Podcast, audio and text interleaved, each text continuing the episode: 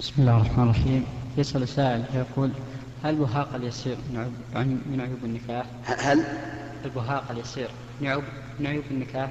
نعم يعني لو وجد الرجل في زوجته بهاقا فهل هو عيب؟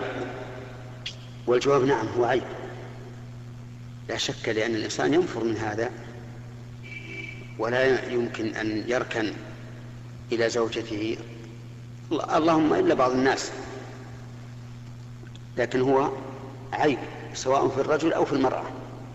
حتى الرجل لو كان به بهاق وتزوجته المرأة غير عالمة به فإنه عيب لها أن تفسخ النكاح به.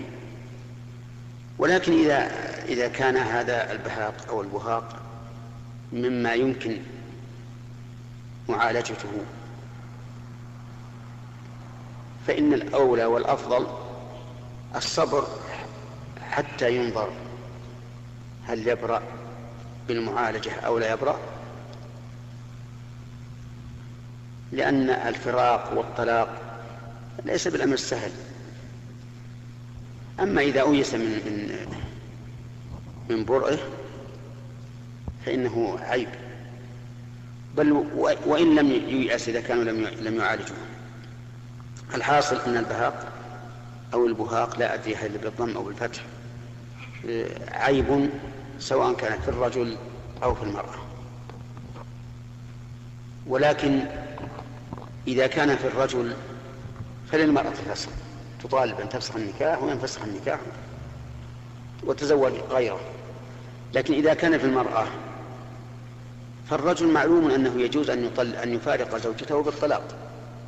لكن فائدة قولنا أن إن له الفسخ أنه إذا فسخ من أجل هذا العيب فله أن يرجع بالمهر بالصداق على من غره. ها؟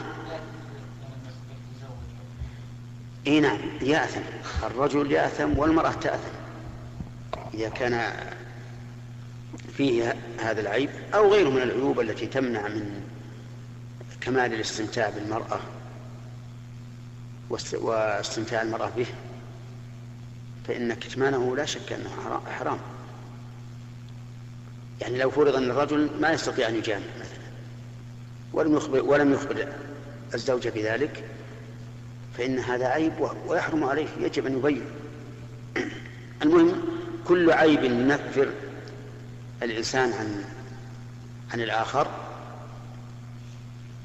بمقتضى الطبيعة فإنه يجب على من اتصف به أن يخبر الآخر. نعم.